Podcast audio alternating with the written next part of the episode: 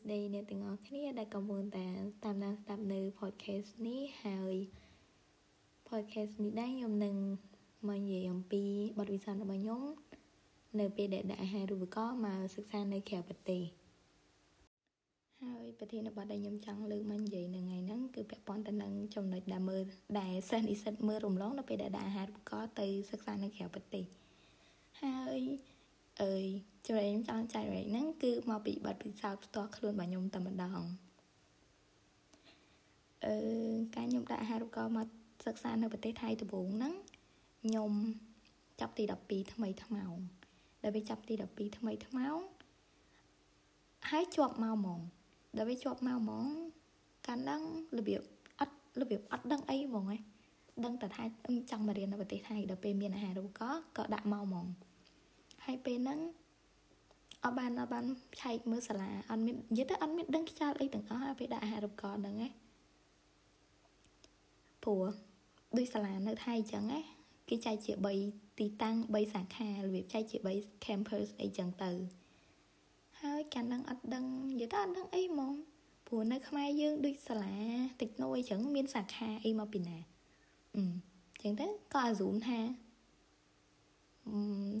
សាលានៅសាកលវិទ្យាល័យនៅប្រទេសថៃប្រកាសជាមានតែមួយមានតែមួយទីតាំងអីចឹងទៅដល់ពេលប្រឡងជាប់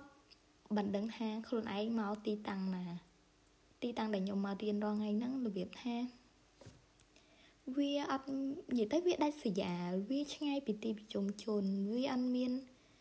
មធ្យោបាយធ្វើដំណើរអីចឹងណាអញ្ចឹងហើយបាទខ្ញុំចង់ប្រាប់អ្នកនរគ្នាថា មុនពេលដែលអ្នកទាំងអស់គ្នាដាក់ហារូបករណ៍ទៅសាលាណាមួយក្នុងប្រទេសណាមួយចឹងអ្នកទាំងអស់គ្នាគួរតែឆែកមើលទីតាំងឆែកមើលពីជីវិតរស់នៅរបស់ប្រទេសនឹងរបស់មនុស្សប្រជាជននៅក្នុងខេត្តនឹងអីចឹងទៅហើយធ្វើការសម្រេចចិត្តម្ដងទៀតមុននឹងដាក់ហារូបករណ៍របៀបថាអើយវាអត់មានមធ្យោបាយធ្វើដំណើរអីអញ្ចឹងណាហ្នឹងហើយហើយបើមួយ ទៀតអ្នកទាំងអស់គ្នាបើថាពិបាកក្នុងការឆែករកនៅតាមពិតខ្ញុំលើកទឹកចិត្តឲ្យអ្នកទាំងអស់គ្នាព្យាយាមឆែកមើលនៅតាមអ៊ីនធឺណិតមុនហើយបើថារកអត់ឃើញទេឬក៏រកអស់លទ្ធភាពអីហើយពាក់ព័ន្ធទៅនឹងសាលាដែលយើងចង់ទៅនឹងអីចឹងទៅ យើងក៏អាចព្យាយាមរកសិស្សច្បងដែលធ្លាប់ទៅរៀននៅសាលានឹងធ្លាប់រៀននៅប្រទេសនឹងធ្លាប់រៀននៅខេត្ត